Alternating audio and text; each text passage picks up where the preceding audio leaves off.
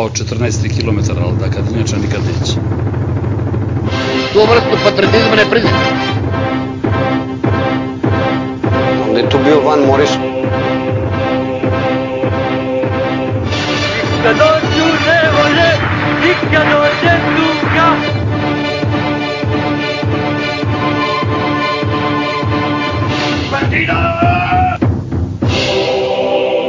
Ima koga da volim, volim Partizan.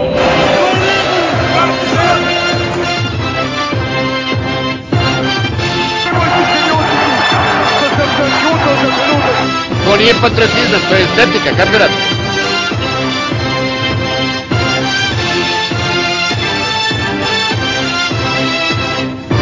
Nikad neće.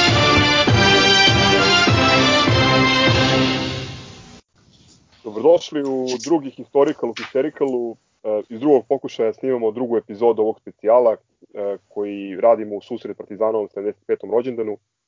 U serijalu Historical u Hystericalu ćemo se truditi da pokrijemo najvažnije, nepoznate i neke nepravedno zapostavljene priče iz istorije našeg futbolskog kluba.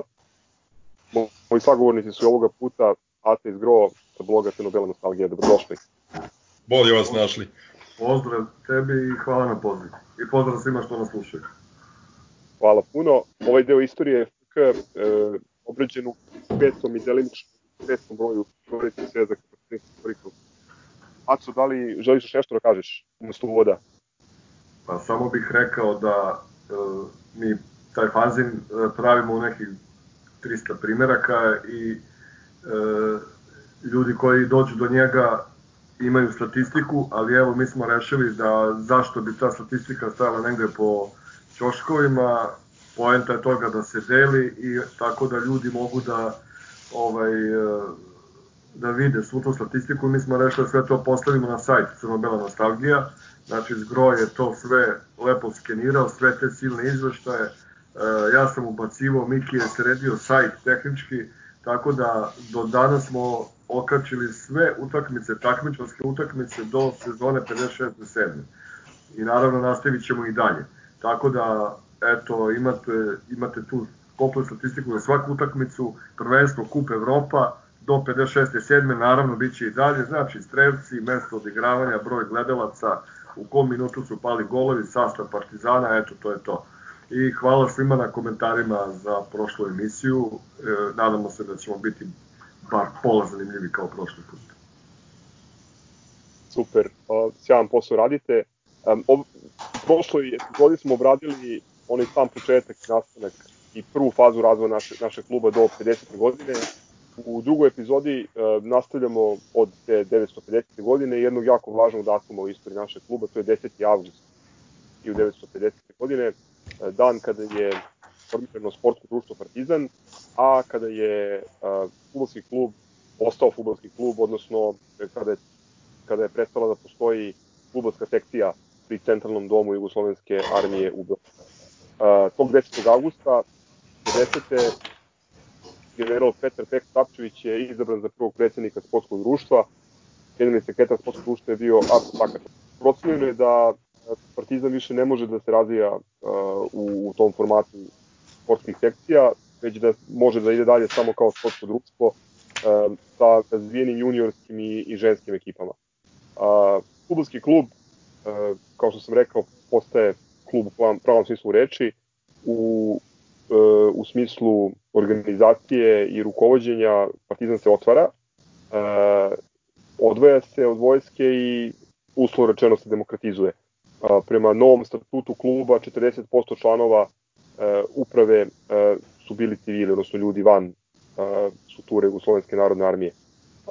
To se kasnije još više ovaj, da kažem, menjalo, pa je 53. godine Partizan potpuno raskinuo u formalnom smislu svoje veze sa armijom, iako su naravno neki predstavnici, visoki predstavnici vojske ostali prisutni u, u, u klubu. Za prvog predsednika kluba je izabran narodni heroj Ratko Vujović zvani Čoče, koji je tu funkciju predsednika uh, futbolskog kluba obavio do 52. godine. Pa eto da kažemo da to, taj prelazak sa sekcije na klub e, je razlog što je Partizan prvog, futbolski klub Partizan, pričamo o futbolskom klubu, što je FK Partizan prvog predsednika kluba dobio tek te 1950. što je razumljivo.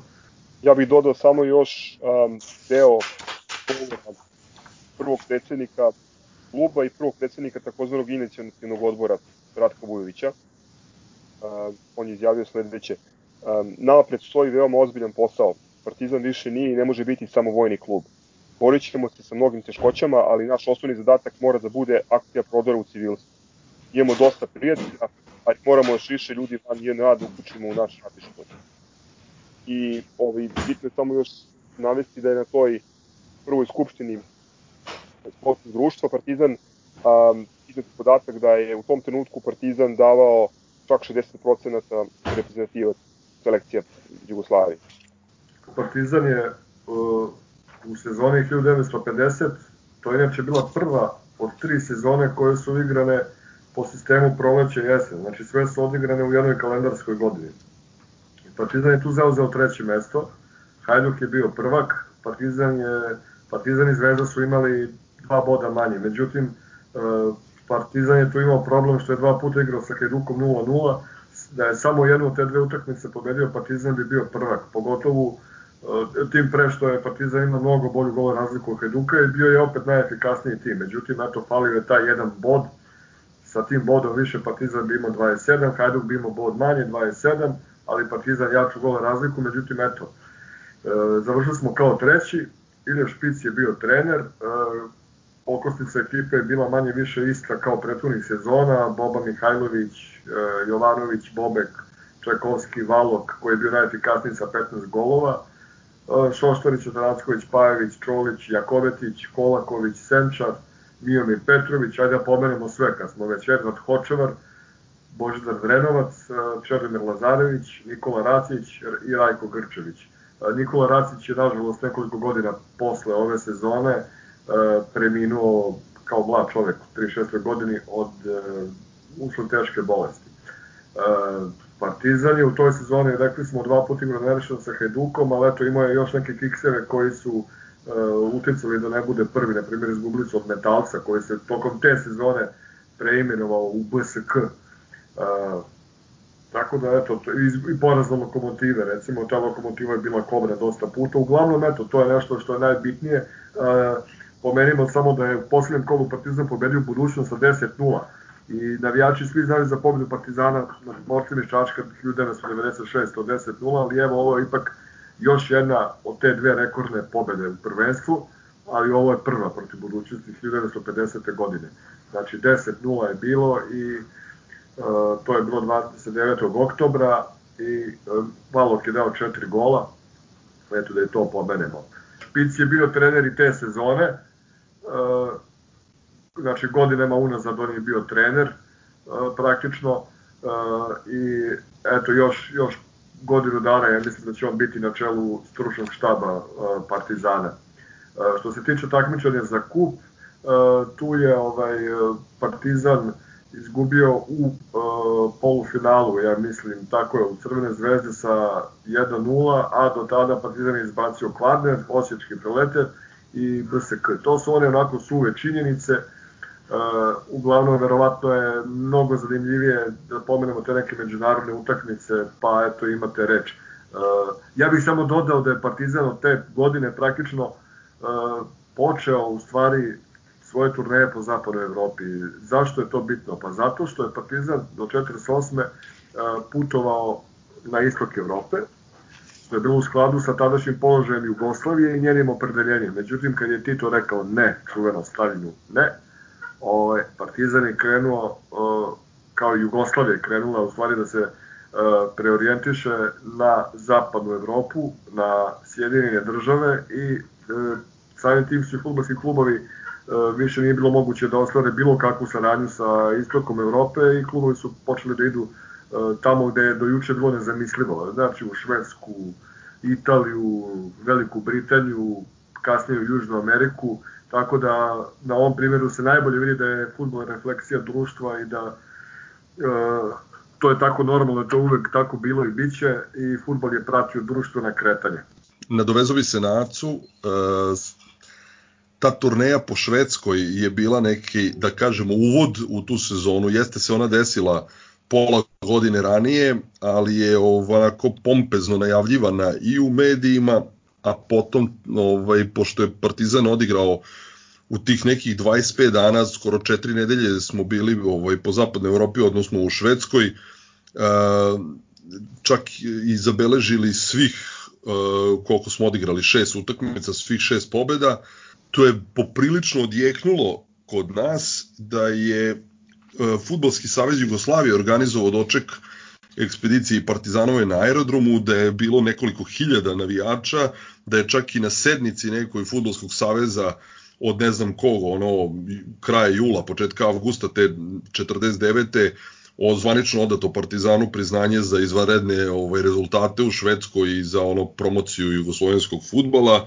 I ovaj e, nekoliko hiljada navijača je dočekalo tu Partizanu ekspediciju što samo eto govori da je Partizan i tada znači kao uprkos onim govorkanjima kao ko je navijao za koga ovaj mi smo redovno vadili statistiku ovaj, i broja, broja gledalaca na partizanovim utakmicama u tom periodu, znači mi smo u periodu tokom 50-ih konstantno imali proseku od nekih 20-22 hiljade ovaj, navijača, a tada još uvek e, nisi u punom kapacitetu koristio stadion koji je tek kasnije ono bio ovaj da kažem jeste on 49. sazidan, ali je tek 2-3 godine kasnije počeo da se koristi u, u da kažem u u potpunosti. Znači, 50. si imao prosek od preko 22.000, 51. isto 22, pa ne znam, tamo 54. Znači, konstantno 20-22.000 gledalaca je bilo u tih nekih ono 4-5 sezona koje obrađujemo eto, u, u ovom, o, ove večeri. Kako to kad niko nije navio za Partizan u Beogradu? pa eto, mo, znaš šta, to je verovatno bio dupli program stalno, pa su ovi njihovi dolazili pa gledali. Da, da i ostali do kraja, da. Da, pa da. Ja bih samo dodao da je, osim tih nekih um, političkih razloga, um, bitno reći da su međunarodne prijateljske utakmice bile jedna prilika za susret sa stranim klubovima, jer uh, govorimo o periodu uh, kada nisu postojala evropska futbolska takmičenja. Prvo takmičenje Kupa evropskih šampiona se uh, održava tek u sezoni 1955-56 i Partizan je naravno tu bio među 16 e, ekipa koji su otvorile to takmičenje, čak je odigrao prvu utakmicu protiv Sportinga u Lisabonu. E, osim tog turnira u, u Švedskoj, e, koji je zgro pomenuo, e, bitno je bitno spomenuti prijateljsku utakmicu koju je Partizan u novembru odigrao e, u Bordeaux i pobedio je tada drugoplasirani tim Francuske lige sa 5-0 kao i nešto kasnije, znači 50. godine turnir u Antwerpenu, odnosno u Anversu, kako, kako, negde, kako negde stoji u nekim izvorima. I da pređemo lagano na, na ovu 51. godinu gde je napravljen ozbiljan iskorak na međunarodnom planu u dva smisla. Februaru 51. godine omladinska ekipa Partizana osvaja e, turnir u Vijaređu, koji je vrlo poznat, priznat i danas. To je jedan od prvih velikih a, međunarodnih a, trofeja koje je Partizan osvojio i onda dolazimo do čuvenog izleta na ostrovo, uh, Festival of Britain, maj 51.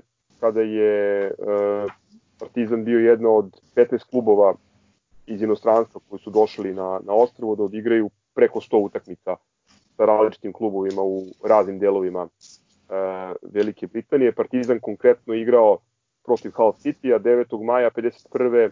protiv Middlesbrough 12. maja i protiv Bradforda, ali ne Bradford City, nego Brad, Bradford Park Avenue, odnosno Bradford PA za kladioničare 14. maja. Ovaj deo obrađen je petom e, izdanju istorijske sveske i to je e, Dejan Šunj kao onako veoma, veoma slikovito preneo e, opise Miroslava, odnosno Majra Radojičića koji je bio dopisnik Tanjuga iz Ujedinjenog kraljevstva u tom periodu. Ta, tad u tom momentu bio naj, najprestižnije ono kao nešto što se desilo u futbalu na klubskom nivou, ono prvi sudar sa ono bukvalno e, gde su gde je gomila evropskih ekipa bila pozvana da učestvuje na, na festivalu u, u ono mesecu maju. Uh, u stvari, ne, to, se, to je kao festival of Britain, se dešavao dva, dva, tri meseca, ali tako bio nešto od maja do septembra, pa je u raznim periodima, u raznim oblastima bila ovaj, takmičenja.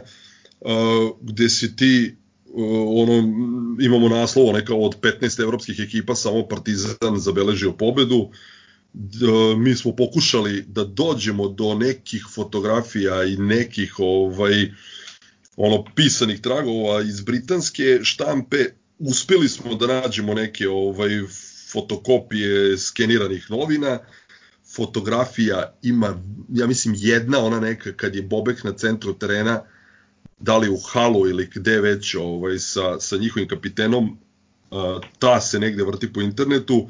Zanimljivo je bilo da su se ljudi iz Millsboroa javili da nisu ni znali da je program štampan, a da smo im mi poslali skenove tog programa, dok se eto Bradford ovaj, iz malenog tog Park Avenue nije još uvek niko javio, tako da probat ćemo još jednom ili ako ništa drugo idemo tamo pa ćemo im kucati na vrata, nema druge, jel? Ja ću kuma da pošaljem, pošto on živi u okolini. Pomenuo si Šunjku, ovaj, Dejana Šunjku, on piše sjajne tekstove za ovaj naš PFC historikal. Uh, stvarno ono... Tako je, da, Šunjka. Uh, dve godine, tri starije, par godina od nas, ali on tako piše da ti imaš osjećaj da je čovjek bio tamo, meni dođe da ga pitam, deki šta si kupio kad si bio u Engleskoj, 50. 51. ne pojma, znači, da. stvarno to tako lepo ovaj, opiše da je pravo uživanje čitati.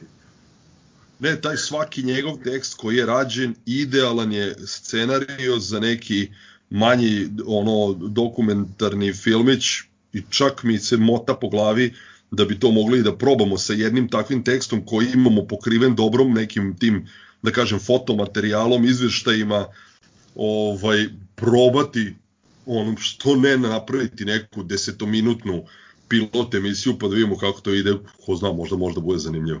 Da, da. Siguran sam da bi se svidelo ljudima. Da se vratimo ove, iz Britanije, inače u kojoj smo pobedili Hull City i Middlesbrough uh, sa po 3-2, a izgubili od tog uh, nižraznog Bradford PA od, uh, sa 0-2. Da se vratimo uh, na, na, na domaće terene u ovoj sezoni, koja je, kao što je Ata rekao, igrana u, u tom neobičnom formatu proleće jesen. Partizan je ostvario prvu ubedljivu pobedu u večitim derbijima i to u devetom večitom derbiju koji je odigran 17. juna 51. Partizan je pobedio rezultatom 6-1. To je prva u nizu četiri ubedljive pobede nad uh, Zvezdom, uh, da ne kažem katastrofalne po njih, 6-1, uh, ali eto to je bio i najbolji detalj te sezone, Partizan je zauzeo četvrto mesto, daleko od borbe za titulu prvaka, i eto, Partizan je, mislim, to je neverovatno da Partizan, vratit ćemo se na to kasnije, tada imao fenomenalne igrače, najbolji igrače, ali nije imao najbolji tim. Partizan je posle te pobede nad Zvezdom od 6-1 doživao pet uzastopnih poraza. Zamislite, vi dobijete Zvezdu 6-1, onda izgubite od Subotici 2-1, pa kući izgubite od Mačve 0-3, pa izgubiš od Borca u Zagrebu 2-1, izgubiš kući od Sarajeva 2-1 i izgubiš u, na Maksimu. Zagrebu, da, od Dinama. Da, od Dinama 2-0. E onda sledeći opet igraš nerešeno sa BSK u Beogradu, neverovatno šta je taj Partizan bio u stanju da uradi u pozitivnom i negativnom smislu. Očigledno je da svi ti jaki karakteri i velike ličnosti i veliki igrači nisu mogli da se uklope ili nije bilo toga ko bi mogao da ih uklopi u, u mašinu koja će da mene sve pred sobom, tako da Partizan za to vreme nije uspeo da osvoji ni jedan šampionat, a, eto uzeo tri kupa u tom periodu kao nekakvu utehu, ali eto, ovaj, nažalost, mogao je nemoguće. To je bila sezona kada, kada je kad su Cigani osvojili svoje prvo prvenstvo 51. i to tako što su nas pobedili u zadnjem kolu 2-0. Da, i to i dan danas, ono, nedavno je bilo podsjećanje na taj derbi tokom ovih kao ovaj dana karantina, negde, da li na Mozartu ili gde već, kao i danas provejava neka sumnja, Zvezdi je trebalo dva razlike da bi bio prva ispred Dinama, jer su ovaj, završili su na kraju s istim brojem bodova i Zvezda je dobila Partizana 2-0 u poslednjem kolu. Znači šampionat u kojem smo mi njih dobili 6-1, uh, onda posle u toj pauzi, ili tako, nepunih mesec dana ili mesec i po dana kasnije, nakon tih 6-1 igrali smo sa njima ovaj, na proslavi Hajduka, pa smo ih dobili i u Splitu 5-1, igrali smo maltene sa ono nekim B timom, da kažem, ili od, od ovih, kako se prvotimaca. Tu bio ono Valok i, i, i da li još neko, ono Čolić, eventualno da, Lazarević i to je to, ostalo su bili mlađi igrači ili igra, igrači koji su ono bili u drugom planu. Ti si ih pobedio i u Splitu 5-1 i onda kao na kraju ih puštaš ili kako god se to jer i danas takvi ovaj komentari provejavaju i u ono tadašnjim novinskim isečcima najave kao Zvezdi je potrebno dva razlike, a onda sutradan, pošto je stvarno bilo 2-0, pa kao evo, da li, da, da, da li je tu bilo sve čisto, znaš. Eto, kao koji je bio interes Partizanu da ono da pusti da Zvezda osvoji titulu, a ne Dinamo, nemam pojma. A, rekao, dodao bih samo da je Partizan te sezone e, pobedio Zvezdu e, dva puta u mesecu maju dve prijateljske utakmice i to uh, za onaj prvomajski derbi 3-1 i uh, kraj meseca u Kragujevcu 5-0. Ove, tako da ovo što kažeš deluje Znači imao si 3-1, 5-0, 6-1, ovaj 6-1 pre toga u prvenstvu i na kraju 5-1 u Splitu. To je sve u razmaku od dva meseca. Pomenem samo neke igrače, pošto mi smo radili kompletnu statistiku utakmicu po utakmicu i ovaj, mislim da je grota da ne pomenemo i te neke ljude koji, koje niko živi ne pominje, ja mislim da se njihova familija neka ne seća da su oni igrali u Partizanu, ali eto, kroz svaku od tih sezona provejava neko manje poznato ime, kao na primer uh, Stevan Vorgić, Milan Stokić, uh, Dragoljub Stanković, uh, Vladimir Ruman, Marijan Branilović, Miodrag Torbarov, uh, onda Tapiška koji igra u Spartaku, Mladen Stipić, Gradimir Bogojevac. E, samo dve kratke napomene, nama se javio pre izvesnog vremena, možda mesec dana, momak koji je unuk Gradimira Bogojevca i oduševio se što se pominje njegov deda uh, kod nas na sajtu i ovaj, obećao neke slike prvom prilikom kada bude došao do njih. A takođe pre nekoliko godina kada smo radili ovaj broj, mi smo kontaktirali slučajno, tražili smo neke podatke o Stevanu Vorgiću, jer znamo da je igrao za Novi Sad posle Partizana i slučajno smo preko, preko bukvalno smo googlali Vorgić i izađe prezime izvesne žene i čak uspeli smo na Facebooku da je nađemo i ona je potvrdila da je Stevan Vorgić e, njen očuh. Ona je usvojena od strane njega i njegove supruge i biranim rečima se izražavalo o njemu i na kraju dala nam je i datum njegove smrti i lokaciju gde je čovek sahranjen. Tako da internet zaista može da bude sjajna stvar uh, u komunikaciji i pomaže na, na vrlo efikasan način. Samo bih rekao u narednim ovim sezonama koje ćemo obraditi u ovoj emisiji, pokušat ću uvek da pomenem nekog od tih ljudi uh, anonimnih, jer svi znaju za Bobeka i za Lazarevića, za Tanackovića, Belina, ali, ali za ove ljude redko ko je čuo, ipak i oni su igrali za Partizan. Da, da, super. Ovaj, samo e, pre nego što zatvorimo ovu sezonu, um, da se vratimo na deveti e, večiti derbi i pobedu 6-1, golove su postigli Valok 3, Bobek 2 i Šijaković. Ono što je jako važno pomenuti je da je dnevni list politika u reportaži sa derbija dala Valoku, znači strelcu hat-trika, ocenu 7 i mislim da je to sve što treba da znate o objektivnom sportskom novinarstvu. Ocenjen je objektivnom sedmicom.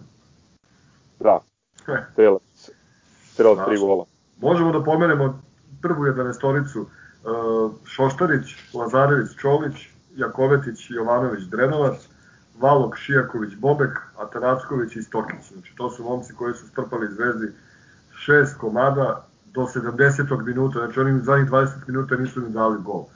Eto, sad, eto, verovatno je bilo dosta tih šest. Krajem ove godine um, u Partizan dolazi jedan od igrača koji je obeležio 50. godine. Uh, naravno, Partizan je, kao što je Ata već pomenuo, imao veliki broj, veliki broj asova, čak može da se kaže da je Partizan u ovom periodu imao uh, grupu najkvalitetnijih futbalera i pojedinaca, ali nije imao rezultate i nije imao tim krajem godine u Partizan je došao uh, Miloš Milutinović, plavač igra po mnogim mišljenjima, jedan od najboljih futbalera u istoriji uh, ove igre na, na, na našim prostorima. Uh, Miloš je uh, došao u Partizan iz Bora kao 90-godišnjak.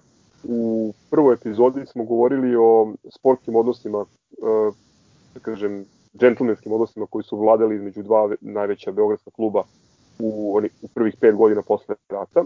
E, ovde ovaj, oko Miloševog dolaska je počela da radi e, kuhinja iz Madere i možda bi to bilo interesantno Aco pomenuti kako je lako moglo da se desi da Miloš pod prisilom završi kod njih, a ne kod nas.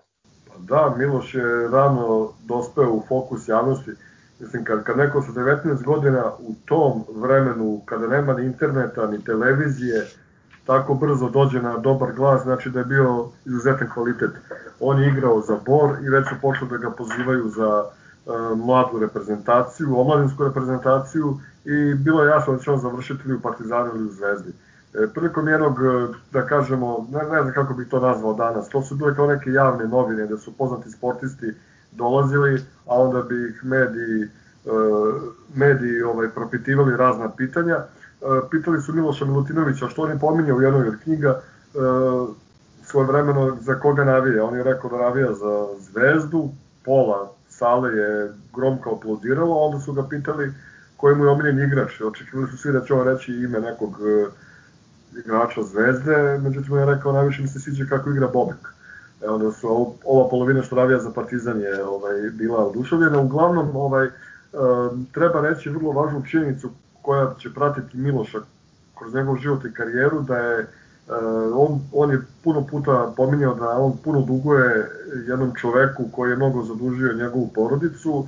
Jasno je iz mnogih priča da se radi o Srbi Saviću stvari njegovo pravo ime je bilo Životije, on je bio visoki funkcioner uh, Republičke Srpske udbe, policije, mislim. I on je ovaj, imao neku veliku, imao veliku pomoć u zbrinjavanju Miloševe porodice i uh, Miloš je često govorio kako je taj čovek verziran u futbal i uh, međutim on ga nije pritiskao. Miloš nije ni znao u to vreme da je Savić uh, funkcioner u Partizanu. Uh, I uh, Miloš je oba su ponudama i Partizana i Zvezde, verovatno još nekih klubova, e, zarekao se da će otići, da će saznati za koji klub navija taj njegov zaštitnik Savić, jel? i da će otići u taj klub baš zato što Savić njega uopšte nije pritiskao. Znači on njemu govorio da on ima prijatelje u oba kluba i sve što je potrebno to je da se Miloš odluči da li će da igra za Partizan ili za Zvezdu i on će mu pomoći za koji klub da se odluči da realizuje taj transfer. E, Miloš je rešio da saznao je da, da je ovaj Savić u upravi Partizana i rešio da pređe u Partizan i postignut je neki načinni dogovor da Miloš čim završi e, srednju školu da dođe u Partizan. Tu su se naši ti funkcioneri malo uspavali što su iskoristili zvezde. I ovaj, čak i Mile Kost to opisuje da je, da je grupa ljudi iz Zvezde došla kolima, e, da su tu bili visoki funkcioneri e, tadašnje države sa srpske strane, jel? I ovaj, oni su njega na prevaru, na mufte, stavili u auto i obećali mu da ide u Beograd, ne znam zašto. On je pitao ili idemo u Partizan, da, da idemo u Partizan. Tu je bio i čovek iz Bora, koji je na kvarno obezbedio ispisnicu. Međutim, tu je počelo neko vijanje po livadama, sporenim putevima i Miloš je shvatio da tu nisu čista posla, zato što je ta, ta, to njihovo vozilo stajalo, pa levo pa desno, pa onda sačekali sat vremena, kao da se kriju od nekoga. E, praktično Partizan je saznao za tu akciju Zvezde da oni žele da kidnapuju Miloša Milutinovića, postavljao razne zasede i to je bio pravi rat. Oni su došli ipak u Beograd, ti zvezdini ljudi sa Milošem i počeli su da ga ubeđuju ovaj, da on dođe u Zvezdu, na što je Miloš rekao nema šanse, ja, ja sam se obećao Partizanu i to je gotova priča, neću da gazim svoju reč. Međutim, oni su bili uporni, obećavali kule gradove, a najneverovatnija stvar, znači eto, to je 1952. godina, čime su se oni služili u 1952. kao posljednji adut, pokazali su Milošu oštampanu izdanje sutrašnjih novina da je pisalo Miloš Milutinović potpisao za Crvenu zvezdu. I rekli mu, pa čekaj, kako sad misliš da razočaraš ljude, već smo obavestili javno da si ti zvezden igrač. Mislim, neverovatne metode.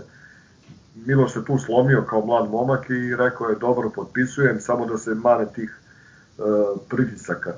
Međutim, Partizan je kasnije e, pobio sve to i uspeo da digne frku na veći nivo, jer je to očigledno bio nezakonit postupak Zvezde i na kraju Miloš je i došao 52. u Partizan. Ali eto, ta epizoda dovoljno govori o tim o metodama tog, kako oni kažu, građanskog kluba, potlačenog u to vreme, jer Partizan je bio sve, oni su samo eto kidnapovali igrače i štampali lažne naslovne strane novina. Ovaj. Držim u rukama ovaj, dok pričamo knjigu Mileta Kosa, e, knjiga koja se zove Miloš čarobnjak futbala, gde je Kos ono na predivan, ono njemu svojstven način onako jednu rom, romansiranu biografiju ovaj Miloša Milutinovića i ima ta epizoda onako ispričana bukvalno kao da gledaš otpisane, da ne veruješ. Evo ja ću pročitati samo jedan manji deo kraći. Kaže, ulazimo u Beograd, šofer vozi prema stadionu JNA. Naivno sam poverovao da idemo na razgovor sa funkcionerima Partizana. Ali mi smo prošli pored tog igrališta i auto se zaustaje u neposrednoj blizini jedne vile – U velikom salonu zastao sam od iznenađenja. Tu je bilo više od 10 ljudi, ozbiljnih, lepo obučenih. Po količini dima zaključujem da su dugo sedeli. Predstavljan sam domaćinu, političaru od imena, pa onda redom. Počinjemo razgovor o lepotama Azurne obale i ja doznajem da je to sve ništavno prema onome što ću videti kao u Brazilu. Rečeno mi je da je Rio de Janeiro najlepši grad na svetu. Uglavnom, uh, došli smo do onog glavnog pitanja da li sam odlučio da dođem u Zvezdu i da mogu već sutra da, ovaj, da odem na njihov trening i da se spremam sa ekipom Zvezde na put po Južnoj Americi. Ja sam im, kaže, nakratko da, ovaj, samo odgovorio, ljudi, ja sam dao reč Partizanu i čoveku koga nikad ne bih želao da obmanem. Nastala su duga ubeđivanja, zatim je došao jedan čovek Doneo je nekoliko primeraka sutrašnjih novina na sportskoj strani, na nekoliko stubaca, kao vez dana objavljena informacija s naslovom Milotinović postupio pristupnicu za Crvenu zvezdu. Gledao sam ta krupna slova i mislio šta će na to reći sutra ljudi iz Partizana. Bolelo me je što će pomisliti da nemam časti, a ja ništa nisam potpisao. Jedan čovek za kojeg sam kasnije saznao da je ministar vrlo važnog resora rekao je nešto što me je dotuklo ti imaš moralnu obavezu prema Partizanu jer si dao nekolicini ljudi reč. A to je ništavno prema onome što ćeš od sutra imati kada toliki ljudi budu saznali da si potpisao pristupnicu za zvezdu, da si naš član. Šta ćeš reći milionskom auditorijumu?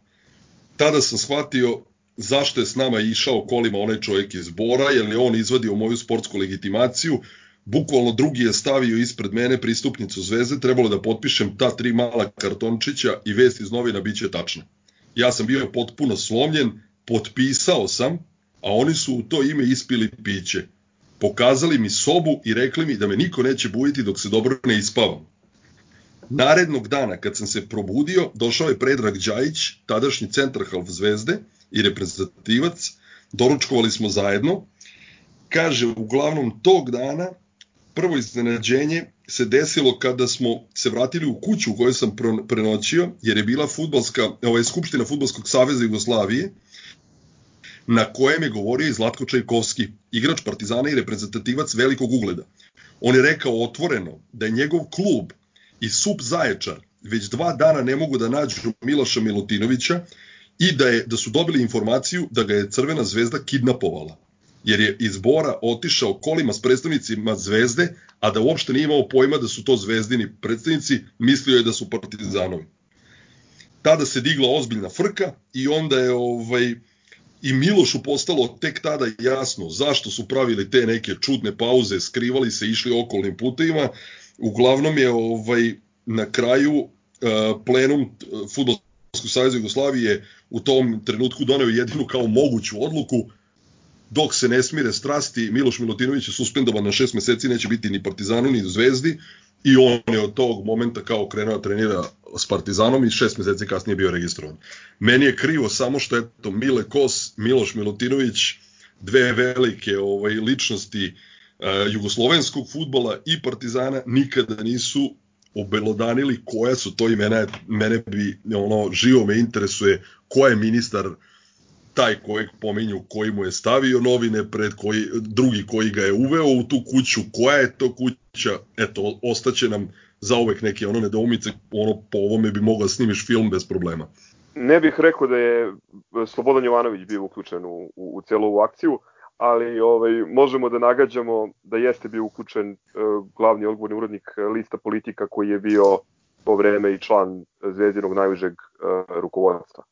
Elem e, Milutinović ljudi kažu, koji su ga gledali, nepredvidiv dribler, sjajan realizator, posebno kasnije u ekipi zajedno sa Bobekom i drugim veličinama iz tog atomskog partizanovog napada, najbolji strelac prvog kupa evropskih šampiona sa osam postignutih golova, za Partizan postigao 204 gola ukupno na 194 utakmice, ali imao veliki peh zdravstveni, već sa 26 godina uh, tuberkuloza i, i to ga je sprečilo da napravi verovatno mnogo bolju međunarodnu karijeru. Uh, dodao bih samo još da je da su kasnije njegova braća Milorad i Bora nastupali za Partizan. Bora naravno i uh, poznat širom sveta kao, kao jedini trener koji je odveo koliko, četiri, pet, tako, različitih reprezentacija na, na svetska prvenstva. E, Miloš e, kasnije se vratio u Partizan i kao e, trener prvog tima 82. godine uzeo titulu, a ovaj, početkom 90-ih i, i vodio onu ekipu koja je odigrala dosta interesantne nastupe u Evropi. E, za Miloša bih ja rekao samo da je nevjerovatno koliki on ima uticaj na Partizan i on kad pogledamo, nažalost, zbog te njegove ranne bolesti, on je odigrao manje od 100 prvenstvenih utakmica za Partizan. Međutim, taj utisak koji je on e, ostavio je neizbrisiv. E, do dana, danas, I danas o njemu pričaju ovaj, ljubitelji futbala i čak ljudi koji ga se nisu sećali toliko iz Partizana, već iz OFK Beograda, znači kad je on došao u OFK Beograd e, na zalasku svoje karijere da odigra jednu sezonu zajedno sa Šekularcem, jednostavno on, on je bio čovek koji je plenio svojim kvalitetom i, i eto, kad neko ne zna, rekao bi da je on odigrao, ne znam, 250 prvenstvenih utakmica ili 300, međutim čovjek je odigrao manje od 100 prvenstvenih utakmica, ali je ostao nevero, ostavio neverovatan trag uh, zato što je igrao na, na jedan lepršav i metodski način. Uh, samo da kažem da uh, ta veza porodice Milutinović i pomenutog Srbe Savića se potvrdila i kasnije, ako malo samo čitamo između redova i pogledamo pažljivije te neke istorijske podatke, e, vidjet ćemo da je taj Srba Savić nakon svađe e, vojnog dela i policijskog dela uprave Partizana, 56. E, 57. otišao je na Karaburmu u klub koji se tada zvao BSK, tako? uh, odnosno Metalac i koji je napravio fuziju sa još nekim manjim klubovima i kada je praktično i nastao Beograd 1957. i otišao sa grupom tih poraženih svojih ovaj saradnika kao deo srpske udbe i otišli su u OFK Beograd, a posle Partizana je Miloš je nastavio karijeru u OFK Beogradu. E, ne samo to, nego su njegova braća i Bora i Milorad takođe jedan period igrali u OFK Beogradu, a Miloš se, znamo, tamo vratio 68. Ima čuvena ona slika utakmica OFK Beograd Partizan kada je 30.000 ljudi došlo na tu utakmicu gde, gde su ljudi bukvalno stali na krovu stadiona. Što kaže, koliko ih je bilo na tribinama, bilo ih je na krovu i po okolnim drveću, no, po stadionu. slika, da. Ja ne znam kako, kako se onaj krov nije urušio, ono je zaista fascinantna slika. A... Ne znam da li ikada stadion Beograda primio toliko ljudi kao tog dana. Uglavnom, trag koji je Miloš Milutinović ostavio je neverovatan, recimo samo da je on 83. s Partizanom uzeo titulu posle 5 godina, igrajući jedan fenomenalan futbal, sećamo se pobede na Maksimiru od 4-3, a sezonu pre toga, uh, pardon, dve sezone pre toga Miloš je kao trener Veleža uh, doneo kup u jednom od najlepših finala, doneo kup Veležu pobedom protiv Železničara od 3-2. Ja znam da, mislim da je tada 90% ljudi koje, koji navijaju za Partizan se u tom finalu opredelilo da navija za Velež upravo za Miloša Milutinovića. Zna da moj otac recimo nije imao uopšte ni najmanju dilemu za koga će navijati tog dana, baš zbog Miloša svi smo navijali za Velež. Pre nego što uđemo u 52. godinu, pomenuo bih samo još jedan događaj um, koga smo se dotakli u, u prvoj uh, epizodi, to je uh, zvanično otvaranje stadiona Partizana. Stadion je zvanično otvoren a, na dan vojske 22. decembra 51. godine. Zgrojel bih imao nešto da kažeš na tu temu. Tako je, da, da, da, ovaj, e, stadion je zvanično, da kažemo, svečano otvoren tog 22. kad je bila otkrivena ovaj, spomen ploča koja i dan danas stoji, iako su stvarno slova izbledela, stoji na jednom od, od stubova tu kod zapadne tribine, spomen ploča Milutincu, kao nekadašnjem velikom futbaleru, kojeg su fašisti ubili u Beogradu 43. A narednog dana je ovaj, odigrana ta finalna utakmica kupa između Dinama i Vojvodine, to je znači 23.12.51. kada je, eto to je kao prva utakmica na zvanično otvorenom stadionu JNA. Uh, ono smo, ne znam, tamo smo izvukli još nekih podataka uh, da je, ne znam, bašta stadiona otvorena naredne godine, da su privedeni kraju radovi okoline tog parkinga, ne znam, uređenja ovaj prilaza stadionu i sve po redu i da ne znam tamo tek negde dve godine kasnije i odigrano najprijateljski večeti derbi pod, pod reflektorima što je bio prvi meč koji je na JNA odigran. definitivno je to prvi meč. Taj da. 3-3 Partizan da. Zvezda, da. Uh, ono što je samo zanimljivo, ja mislim da smo to pomenuli i, i u prošlom ovaj izdanju, uh, u, u, u brojnim novinama, kad se ovaj, najave utakmica, ne znam, večeras se sastaju uh, radnički i, i ne znam, Dinamo Zagreb, utakmica se igra na stadionu. Znači, ne Partizane, kao Beogradski radnički i Dinamo Zagreb igraju na stadionu. Reč stadion odnosila se samo na stadion JNA jer je bio ubedljivo naj, naj ono grandioznije fut, sportsko zdanje u celoj Jugoslaviji. Pročito bih samo kratko izvodi članka kojim je u Beogradskoj štampi objavljeno da je otvoren stadion kaže ovako, u prisustvu mnogobrojnih predstavnika raznih fiskulturnih, sportskih i društvenih organizacija, general pukovnik Peko Dapčević predaje stadion u ime Jugoslovenske armije na upravu sportskom društvu Partizan. Tom prilikom general Dapčević je e, odao priznanje svim graditeljima ovog grandioznog objekta, posebno borcima Jugoslovenske armije i tako dalje. E sad ono što je posebno zanimljivo. Potom je drug Dapčević e, govorio o sportskoj politici uopšte, o pisanju sportske štampe i mnogim drugim problemima aktualnim u ovom periodu našeg sportskog života. Eto ovaj, već 51. Šta bi tek rekao da je znao da će za godinu dana štampaju lažne ovaj, naslovne stranice. Kad smo još u 51. da pomenemo i takmičenje za kup Mašala Tita, kup Jugoslavije, da je Partizan došao do četvrt finala i bio poražen od Vojvodine 0-2 na svom terenu, a zanimljivo da je oba gola dao Silvester Šereš koji je dao i prva dva gola u istoriji Partizana, to smo pričali prošli put. Da, tako je. Da, do tada Partizan je izbacio Slobodu iz Užica, tada Titovog Užica, sa 11-1 u gostima, Slogu iz Petrovca na Mlavi sa 15-0, Pulu u Puli 7-0 i eto, rekli smo Partizan Vojvodina četvrt finale 0-2 i sezona bez osvojenog trofeja. Prelazimo u 52. godinu, um, ja bih za početak pomenuo uh, drugu skupštinu futbolskog kluba Partizan u velikoj sali doma Jugoslovenske narodne armije 14. Mar marta 52. godine. Čitao sam izveštaj u kome piše da su u sali još uvek dominirale vojničke uniforme, ali je broj civila bio nemerljivo veći nego e, dve godine ranije. I već se moglo govoriti o brojnoj ravnopravnosti vojnih i civilnih funkcionera kluba. U svojoj skupštini je izabran um, po prvi put za predsednika narodnih heroja Bruno Milošević. Ove, I on je bio predsednik kluba u, u tri, uh, tri mandata odnosno tri skupštinske saziva. Definitivno je bilo da taj model da se igra u jednoj kalendarskoj godini otpada, znači sledili su se modeli kako se to radi u celom, celoj Evropi i ovo je usledio je povratak na sistem jesen proleće, ali te znači godine odigrane su neko čudno takmičenje po grupama, uopšte se nije od, ono u toj da kažemo 52. ovaj godini nije igran prvenstveni večiti derbi, Partizan je bio u nekoj prvoj preliminarnoj grupi, tu je zauzeo neko treće, četvrto mesto, nije se kvalifikovao za taj neki, da kažemo, za borbu za prvaka, na kraju je završio, igrao u grupi ono, od, od petog do osmog mesta i bio šesti. Uh, ono što je zanimljivo, kao nije igran derbi u prvenstvu, ali igre onaj tradicionalni prvomajski, gde, gde smo pobedili Zvezdu sa 4-0, dva gola je postigao Bobek, po jedan za Zebec i Čekovski, i ono kao dva dana kasnije samo kao igraš prvenstveni susret protiv Dinama i izgubiš 3-0.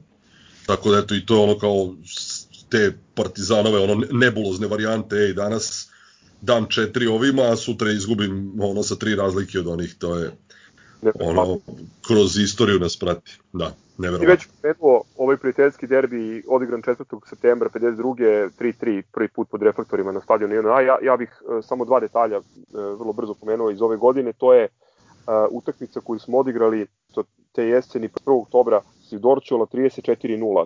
To je e, najubedljivija ubedljivija pobeda Partizana koju sam ja pronašao u, u, u dokumentaciji. Evo, mi još uvek nismo, tako da je, za, ono, to, to je, to je najubedljivije. Ako neko nađe ubedljiviju, neka javi, jel? 1. oktober 52. u a, Beogradu 34-0 i takođe bih pomenuo a, da je u Partizan te godine odigrao osam međunarodnih prijateljskih utakmica, sedam je pobedio, jedno odigrao nerešeno, a, ta nerešena je bila protiv HSV-a u, u Hamburgu 2-2, a tokom iste, da kažem, posete Nemačkoj Partizan je pobedio St. Pauli rezultatom 4-3. Da dodamo još da je trener te sezone, posle dugo godina e, boravka Iljaša Špica na klupi Partizana, te sezone zamenio ga je Toni Pogačnik. I on je uspeo, eto, u prvenstvu nije uspeo da dođe do trofeja, ali zato Partizan te sezone osvojio kup Jugoslavije. E, I to tako što je pobedio u finalu Crvenu zvezdu sa 6-0. Znači, to je druga, druga velika pobeda nad Crvenom zvezdom u tom periodu. E, do, do finala Partizan je kvalifikacijama pobedio Kragujevački radnički tek posle izvođenja penala. A onda smo pobeđivali redom BSK 2-1, pa Lovća na Cetinju 3-0. U četvrtfinalu jedna zanimljiva utakmica, Partizan Hajduk Split 5-0, s tim da je u regularnom delu bilo 0-0 i onda je Partizan u produžecima dao 5 golova, e, čak su u izveštajima pominjali novinari i izveštači sa te utakmice da, da prosto niko nije mogao da veruje posle 90 minuta i rezultata bez golova da će jedna ekipa da da 5 golova e, u produžetku. I to u razmaku od 15 minuta, od nekog Da, da. 96. 7. do 110. 12. Da, taj tim je bio mašina koja, koja je mogla da sameni bilo koga, ali verovatno onda kad im se nije igralo, nije im se igralo i to je bilo to. Polufinalu Partizan Radnički Niš u Nišu 4-1 i već pomenuto finale e, Partizan Crvena zvezda 6-0, znači to je bilo na praznik, tadašnji praznik 29. novembra, stadion JNA 50.000 ljudi, dva gola Valoka, opet dva Zebeca i po jedan gol Bobeka i Todora Veselinovića.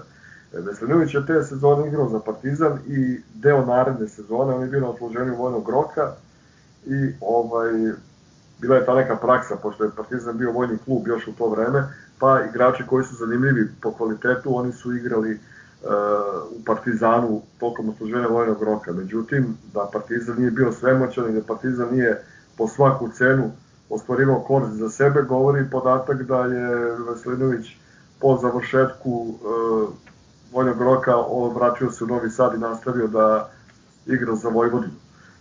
Sigurno je jedno od najvećih imena ovaj, jugoslovenskog i srpskog futbala, ali eto, ovaj, možemo da se podičemo da je igrao za Partizan jedan period i da je čak dao ogroman doprinos e, u osvajanju kupa Jugoslavije. E, odigrao šest utakmice, dao jedan gol. Ajde, dok smo samo, čujte ja prekinuti za Ajde, ajde. sekund, dok smo u tom kupu uh, spomenuti još onu jednu zanimljivu, ovaj, interesantan detalj koji se odigrao dan u oči finala. Tako je, tako Uh, je. utakmica o polufinala koja je igrana u Nišu uh, odigrana je 2. novembra. Na toj utakmici je Herceg uh, koji je te sezone bio jedan od ono kao vodećih uh, navalnih igrača u Jugoslaviji i, ono prvi strelac Partizana uh, dobio crveni karton. Uh, komisija ta disciplinska nije zasedala uopšte do dan pred utakmicu ovaj finala taj dan pred meč Hercegu je izrečena e, zabrana mesec i po dana na igranje futbola. Znači, nek mi neko kaže da je slučajno. Jel tako, za, za incident koji je napravio četiri nedelje ranije. I ovaj, ono kao nisi imao ni, ni, ni vremena ni prostora da možeš da ovaj da protestuješ, ti si sutra pobedio Zvezdu 6:0 i sport je u, u, u ovaj narednog dana u izveštaju e, opisao taj događaj kaže svaka čast triumfalnoj pobedi Partizana, ali njegovi igrači na kraju nisu postupili džentlmenski. Oni su dotrčali do tribina i digli na ramena Hercega koji je utakmicu posmatrao u mantilu kod iskotočne tribine, nosili su ga preko celog terena iskazujući na taj način klubaške strasti što je bilo nepotrebno i nekulturno. Da, kao da je masovni ubica. Da, da, eto, onako još jedan zanimljiv ovaj podatak i, i moment koji ide samo ono prebacuješ loptu u, u komšinsko dvorište, koliko su se služili od uvek tim nekim ono kao podlim fazonima i trikovima. Herceg je te sezone dao pet golova, pet utakmica, pet golova u kupu Jugoslavije. Znači, Tako je. Kako je, da, te kako je doprineo trofeju. Ali možemo Tako da pomenemo, osim ove okosnice tima, znači Veselinović, Čekovski, Jovanović, Herceg, Bobek, Čolić, Belin, e, Stojanović, Valog, Zebec, Atanacković, Mihajlović, Milutinović, da pom, Šoštarić, da pomenemo i ove igrače koji su imali epizodne uloge, e, čuveni Kiril Simonovski odigrao samo jednu utakmicu u kupu, recimo, e, tu su bili malo poznati Miodrag Torbarov, Dimitrije Stefanović, koji je karijeru najvećim delom napravio u Mačvi i mislim da je umro prošle godine, i bio je Dragić Živković, kojeg, kojeg ljubitelji futbola znaju kao Draga Živković, a koji je igrao za Vojvodinu. E, čovek je i dalje živ, i nedavno smo, tražeći njegovu fotografiju, e, kontaktirali jednog našeg velikog e, prijatelja sajta i naših prijatelja i saradnika, ajde sad da ne pomenemo ime zbog prirode anegdote, i kad sam ja pitao za sliku, on je rekao da će se raspitati e, prvom prilikom za sliku Drag, Drage Živkovića i kad sam ja rekao ok, hvala vam, ali mislim nije, nije hitno kao kako nije hitno, čovjek ima 90 godina, svaki moment je dragocen.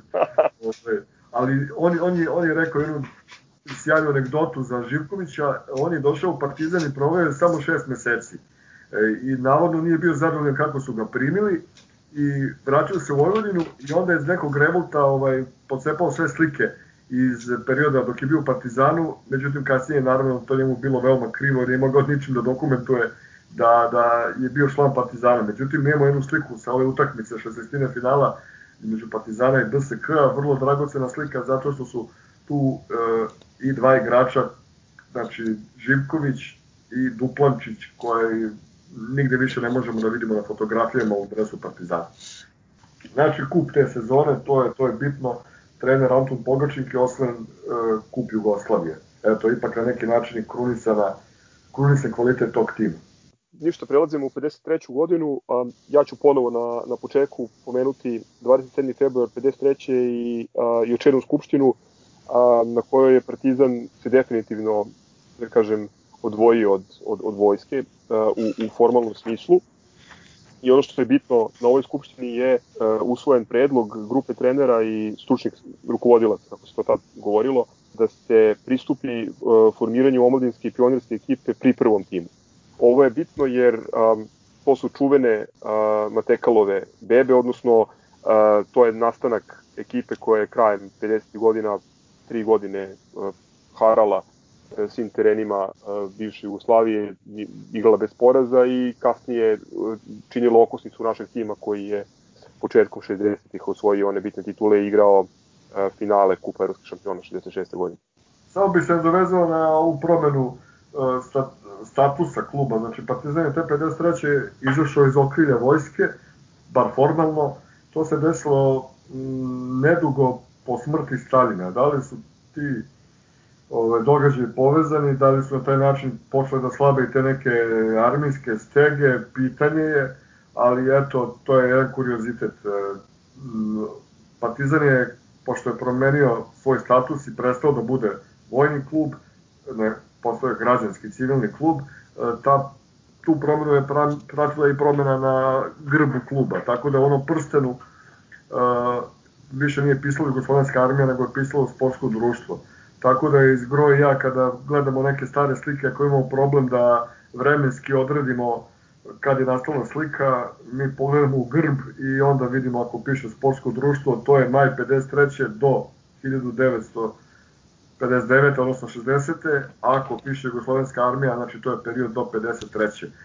Ono što je super, sve fotografije koje smo našli, a stvarno smo ih našli dosta, a, pokazuju koliko je Partizan u svakom tom periodu kao delovo kao ozbiljan klub, jedan od retkih koji je u 95% utakmica od osnivanja do danas imao na dresu grb, grb kluba. Ako pričamo o sezoni 52. 53. Partizan je tu završio na trećem mestu, Crvena zvezda je bila prvak, šta bi tu mogli da izdvojimo? Pa ne znam, recimo da smo bili jesenji prvaci, ali ipak nismo uzeli titulu.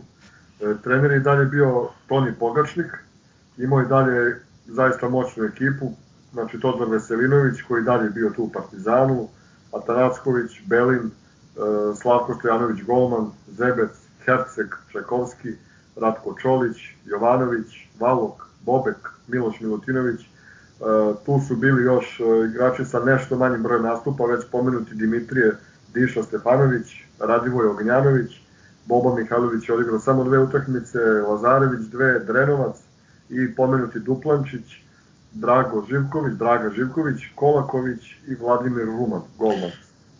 Po meni je poenta taj uvodni deo šampionata gde si ti u 5-6 kola bukvalno pobedio sve, od Vojvodine, Lokomotive, Dinama, ne znam, Vardara 9-2, BSK 5-1, znaš, i onda kao ulaziš u neku i budeš jesenji prvak i onda kao prolećni deo odigraš opet tako ničemu, znaš, kao trči, trči pa pobeda, otprilike tako. I Zvezda bude prva, jel? Da, pa, pa oni su prelomili to prvenstvo tri kola pre kraja direktnom okršaju. Partizan Zvezda 4-2 su Čigani pobedili i to je ovaj, posle toga Partizan je bukvalno otagao sledeće dve utakmice, izgubio od Sarajeva 2-1, izgubio kuću do Hajduka 4-2 i završio na trećem mestu. Ovaj, zanimljivo da je Partizan obe utakmice od Hajduka te sezone izgubio 4-2, Uh, tako da eto, Partizan je bar mogao da bude drugi, međutim nije bio ni drugi, iako je tri kola pre kraja važio za kandidata za titulu. Uh, meni je zanimljivo to što je Partizan izgubio u Splitu 4-2, zato što je Hajduk bio u Splitu redovna mušterija Partizana u to vreme, ne samo tada, već i kasnije. Ovaj, neverovatno je koliko je koliko Partizan ima nadmoćan bilans protiv Hajduka, pogotovo u Splitu, tadašnji igrači Hajduka su stvarno ono govorili sve, sve, samo ne Partizan, Partizan za njih bio kancer, znači bukvalno... Dok nisu podigli poljud, mi smo ih redovno dobijali. Tako je, tako je. Da. Prelazimo na sezonu 53-54, ovo je jako značajna sezona jer je u njoj rođen parni valjak.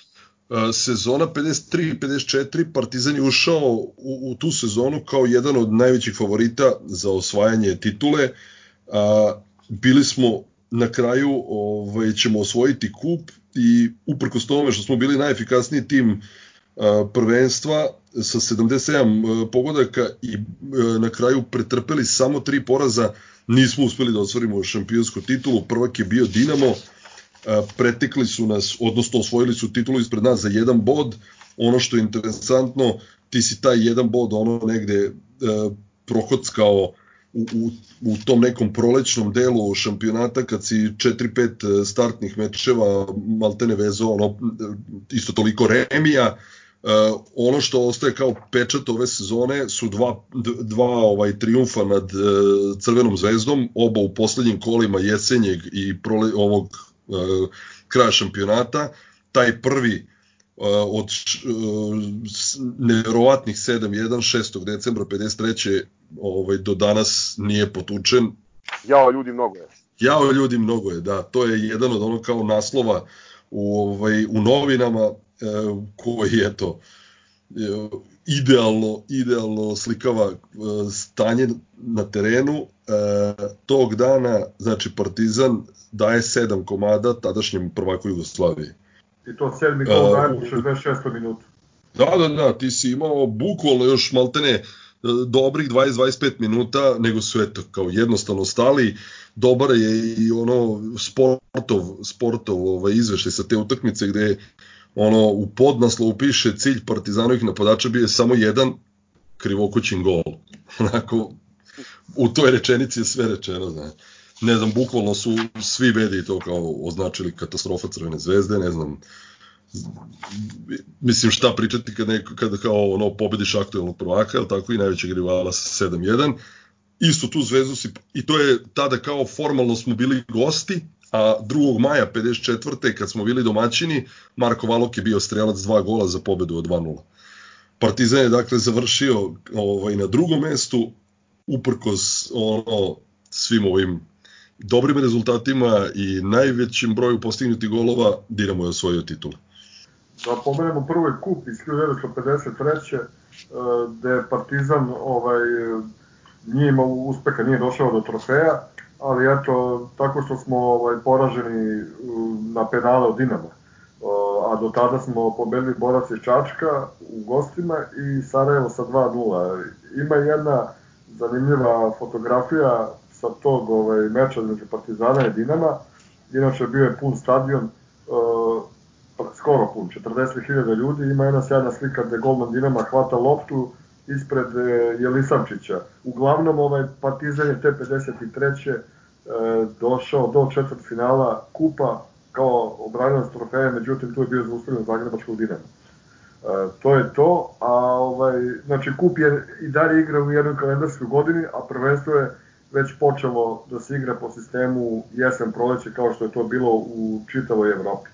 Partizan je znači 20. decembra uh, izgubio 2-1 od Sarajeva, uh, u Sarajevu i to se smatra za nultu uh, tačku prve Partizanove uh, interkontinentalne uh, turneje. Partizan je 40 dana proveo uh, u Južnoj Americi, uh, putovali su vozom, avionom, hidroavionom, autobusom, E, vodič puta je bio, to sam našao negde, ovaj, Ratko Vujović Čoče, e, prvi predsednik kluba, a kasnije je bio predsednik e, Izviđačkog saveza Jugoslavije.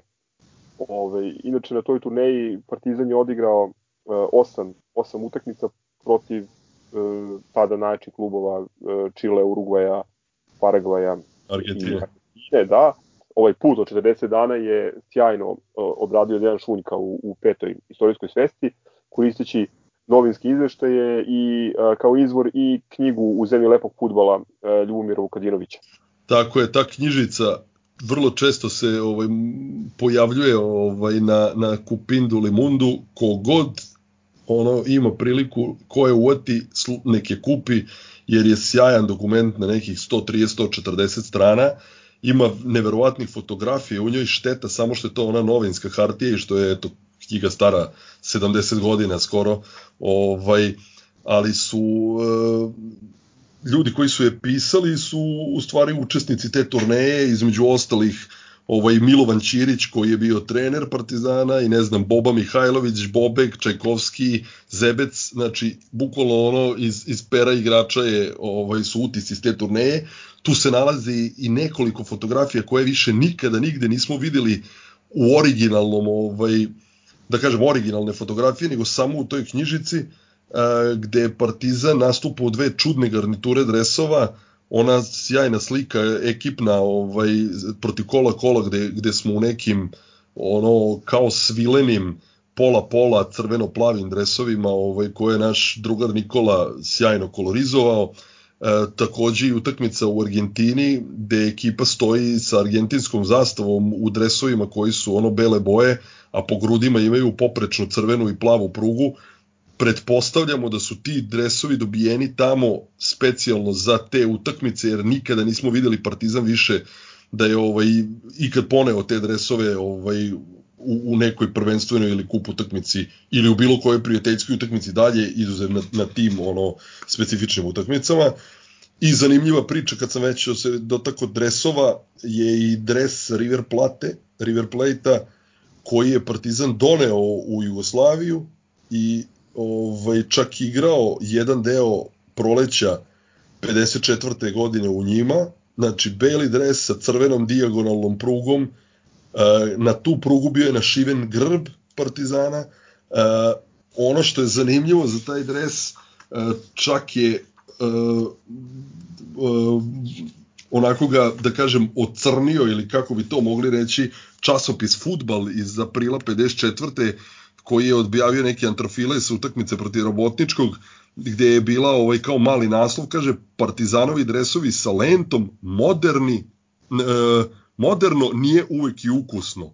I kao ovaj, partizanovi igrači su igrali u dresu koji kao kupljeni su u Buenos Airesu bele majice sa širokom crvenom trakom mukusom, ružni su dresovi, kažu da su podobni za igranje noćnih utakmica, ali dalju ne ostavljaju nikakav utisak i Partizan se posle toga, mislim da, zanimljiv komentar ono kao futbolskog magazina, ovaj, Partizan se posle to, te sezone, eto, u tih 5-6 utakmica koje odigra u tom dresu, viđali smo posle fotografije omladinskih ovaj partizanovih ovaj ekipa u istoj toj garnituri, ali mislim da dalje prvi tim nije igrao u tom dresu.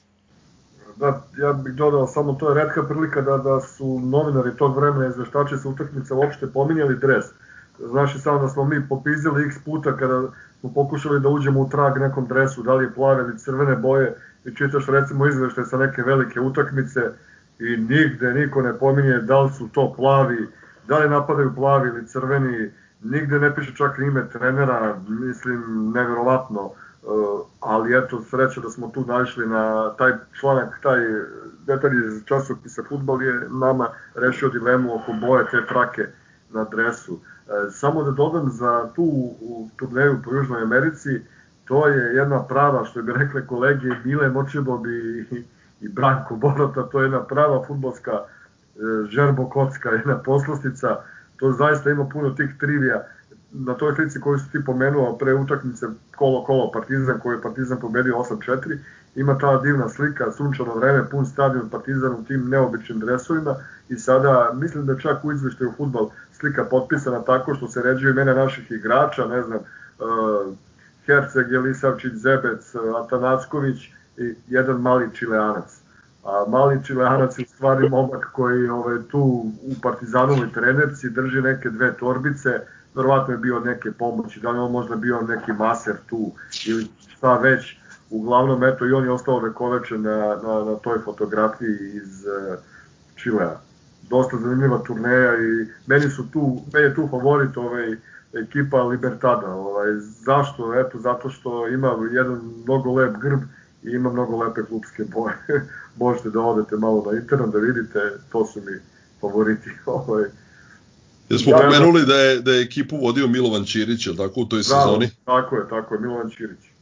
Čovek koji je trenirao u svojoj karijeri e, Partizan, Zvezdu i Hajduk. Zvezdu dva puta i e, možda ćete vi više o tome, čovek, prvi čovek koji je prešao Zvezdu u Partizan, a bio je deo one generacije e, drugog tima Partizana koje je 49 došla do polufinala Kupa Jugoslavije. Ja bih samo na temu ove južnoameričke turneje dodao još da, osim ovih utakmica koje su već pomenute, e, naši futboleri odigrali i u Montevideo Penjarolom 1-1 pre 60.000 gledalaca, a, a zatim u Buenos Airesu protiv Rastinga uh, utakmicu uh, pred 90.000 gledalaca. A, takođe, nakon uh, izleta u, u, u Paragvaj i nekog trovanja hranom koje se pominje ovaj, koji je bio ozbiljan problem ovaj, uz povrede i ta e, naporna putovanja. Partizan je odigrao i sa Riverom 1-1, tad su ovaj, i, i, i ti dresovi preuzeti i završio je turneju porazom od uh, Newell's All Boys od četiri. Nisu dočekali smo srećnu novu godinu u Santiago i ovaj, završili turneju, prelazimo na sledeću sezonu, uh, sezona 54-55, Pa tu je, u toj sezoni već na nekom redovnom tom lekarskom pregledu Milošu Milutinoviću otkriveno da ima problema s plućima i ovaj i bukvalno ono kao možeš misliti u to vreme, jel, kad se tako nešto neka dijagnoza a, namesti a, intenzivno lečenje, promena klime, mirovanje, nikakav futbal, znači sledila mu je duga, duga pauza. On se zaleče, vratio u futbolu, ali to više nije bio taj Miloš ovaj, je ono kao opisivano u istoj ovoj knjizi Mileta Kosa, ne znam, posle svakog sprinta bi se zadihao i na mahove je ono ličio na onog Miloša, ali je definitivno bilo da, da to nije bilo to. A, ta sezona ostaje u nekoj ne bih rekao senci, nego onako kao najupečetljivije moment je gostovanje najboljeg mađarskog i jednog od najvećih evropskih timova tog vremena, 17. novembra 54. u Beogradu je pred 50.000 gledalaca ovaj gostovao mađarski Honved i sad tu je hvala Bogu onako publicitet bio neverovatan ali je, ne znam, kiša naptapala, pljuštalo ceo dan, e, lupam dan ranije, znači, bukvalno kao da ne, iz, ne isteraš kera na ulicu, ono, ne znam, stadion je bio krcat. Ovaj, na kraju je Partizan savladao Home 3-2 i to je bilo ono kao highlight sezone gde, znaš, kao ti si dobio Home da zabole me za prvenstvo.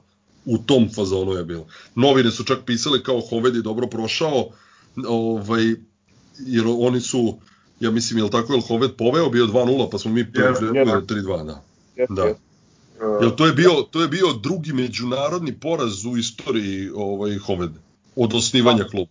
to je jako bitno naglasiti jer to, ajde da govorimo, da pokušamo da napravimo analogije sa dan- današnjim vremenom, to kao kada bi Partizan pobedio danas Real Madrid.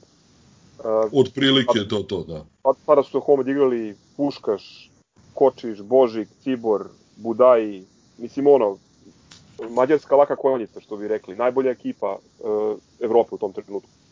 Tako je, tako je. I Ovaj, ti tu sezonu, ti tu sezonu, znaš, kao, ej, pobedio sa Komeda i, i, i, i to je to, znaš, završiš je na kraju nešto, koje je peto, šesto mesto, sa dobrim zaostatkom za Hajdukom koji je bio šampion.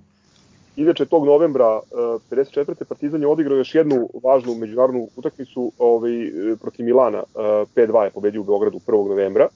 Rekao bih da, da su ove dve pobede veoma važne jer su uticale na međunarodnu reputaciju kluba. I praktično su bile uvod u ono što će uslediti u jesen sledeće 55. godine, kada je Partizan, iako nije bio šampion, učestvovao u prvom po pozivu u prvom takmičenju Kupa Evropskih šampiona i otvorio takmičenje utakmicom u Lisabonu. Tako je, tako je. sve, sve te turneje su malo po malo gradile taj partizanov međunarodni imidž i doprinele su do toga. Ove, ja bih pomenuo još i turneju po Nemačkoj, to je bilo u početkom kalendarske 1955. I zanimljivo je da smo mi pre nekoliko godina dobili slike, četiri fenomenalne slike iz Koblenca, da je Partizan igrao sa e, timom koji se zvao TuS Neundorf Koblenz i neki čovek Nemac koji je očigledno blizak tom klubu je ne znam kako naišao na internetu, na, na naš sajt i poslao slike, za svaka mu čast i mi dan danas imamo te četiri fotografije, veoma kvalitetne za taj period. Tu su Bobek, Čajkovski, Borozan u akciji, Golman Belojević, zaista sjajne fotografije. Inače, Partizan je te sezone opet preuzeo Ilija Špic i on je bio trener eh, Partizana te sezone. Samo da pomenem Da. par ovih igrača koji nisu puno igrali, ali eto, došao je Stanoje Jocić iz BSK, inače, i pokazao se odmah u dobrom svetlu u Partizanu.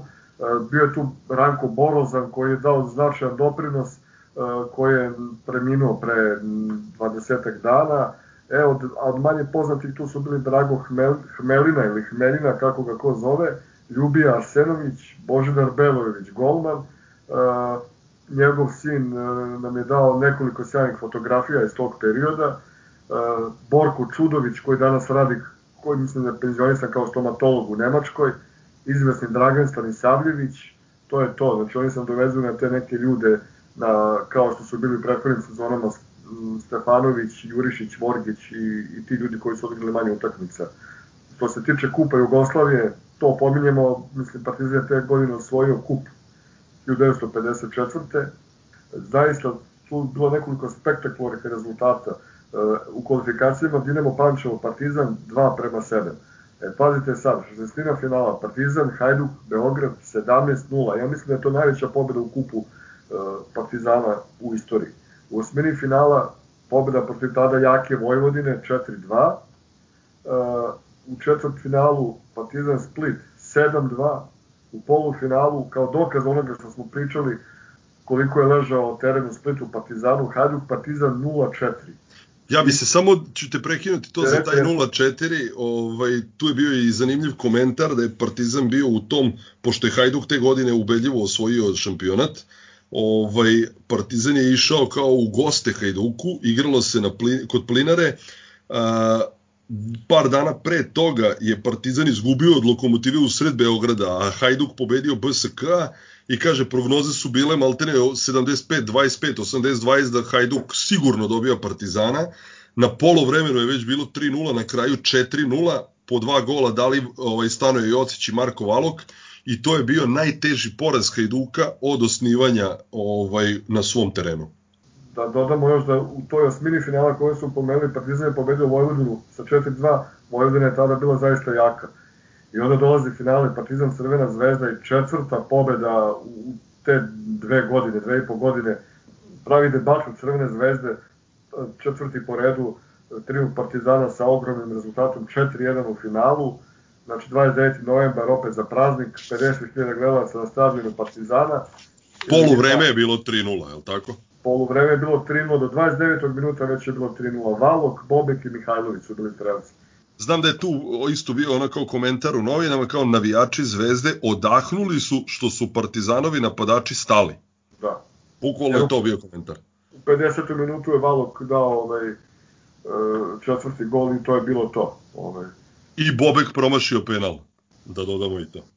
Da, pa bez zanimljivo su ti rezultati, te, znači Partizan, te, u, toj, u tom takmičenju za kup Jugoslavije 54. Znači, kvalifikacije šest utakmica ukupno do finala i do osvajanja pehara ni na jednoj Partizan nije dao manje od četiri gola. I je da stavimo na stranu pobedu protiv Dinama iz Pančeva, pa i ovu protiv Beogradskog Hajduka koji je bio niži rang, ali znači Vojvodina, Split koji je tada bio, ja mislim, u drugoj ligi, ali je bio, ovaj, uskoro ušao u prvu ligu. E, Hajduk šampion, je li tako? A, da, da, da, i znači protiv šampiona šetrila i protiv Zvezde 4-1, znači neverovatno. Znači oni ispod četiri gola nisu davali. Tako da to potvrđuje onu tezu da to bio Partizan, da je Partizan tih 50 godina imao najbolje igrače, ali nije bio najbolji tim.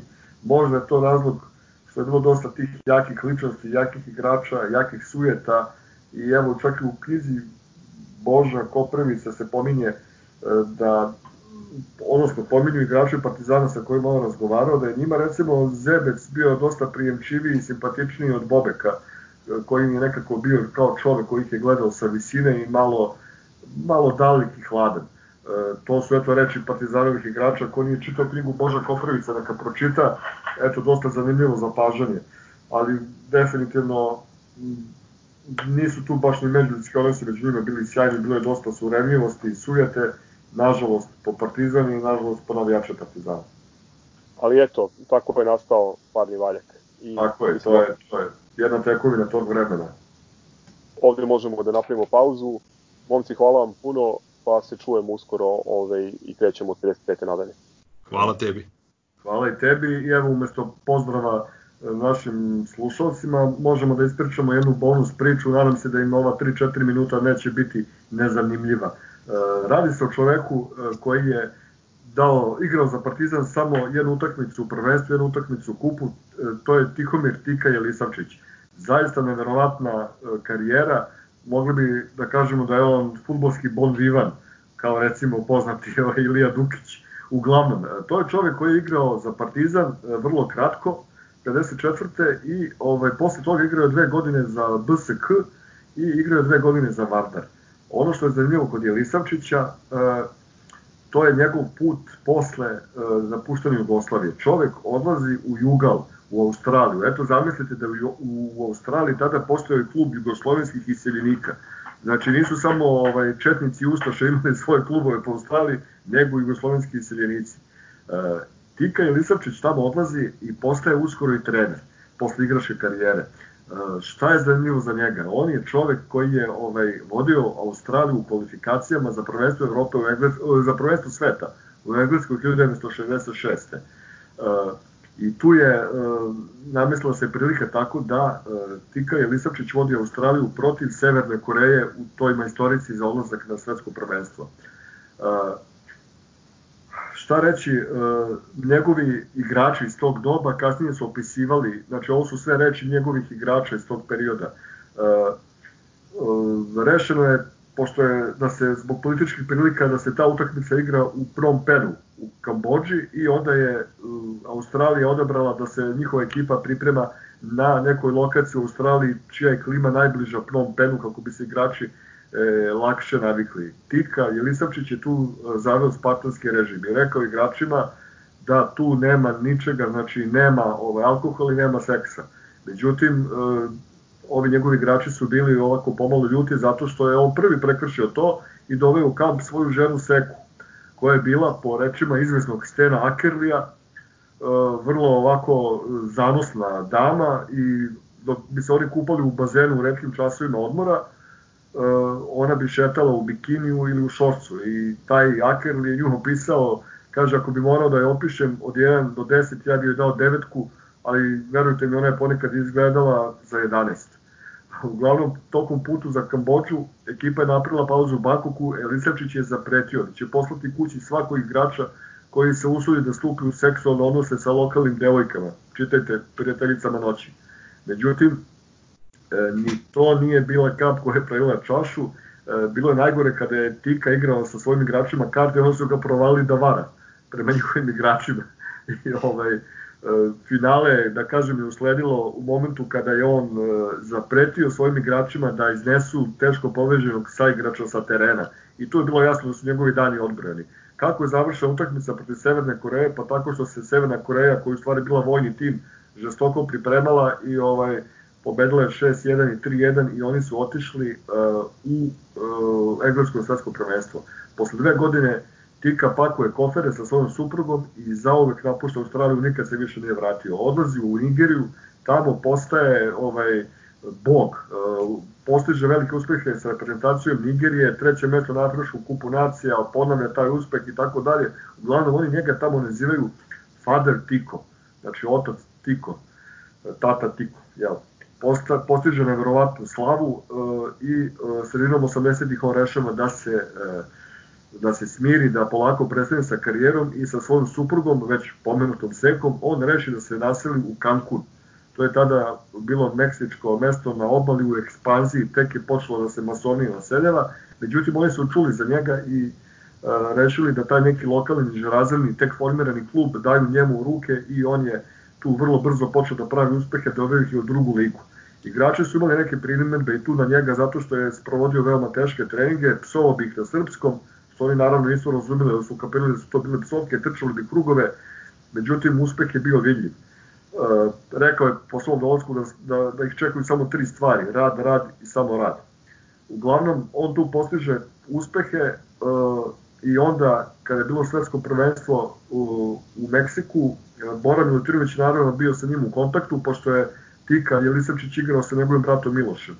I uh, veoma često Bora je pripremajući si svoju reprezentaciju Meksika svetsko prvenstvo zvao ekipu Tike Jelisavčića da bude sparring partner njegove reprezentaciji. Uh, tako da je između njih postojalo veliko poverenje, jedan uh, je gledao treninge ovog drugog i tako imali su brojne savete jedan za drugog, uglavnom imali su sjajnu saradnju.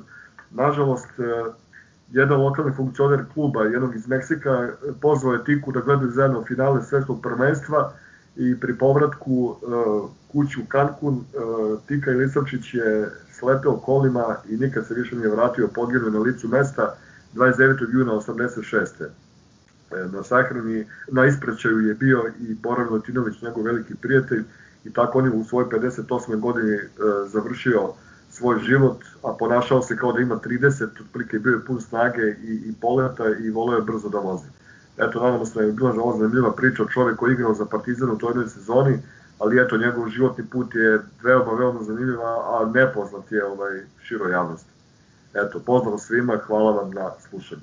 Hvala i na ovome, Acu, fantastična priča. Pozdrav! Nikad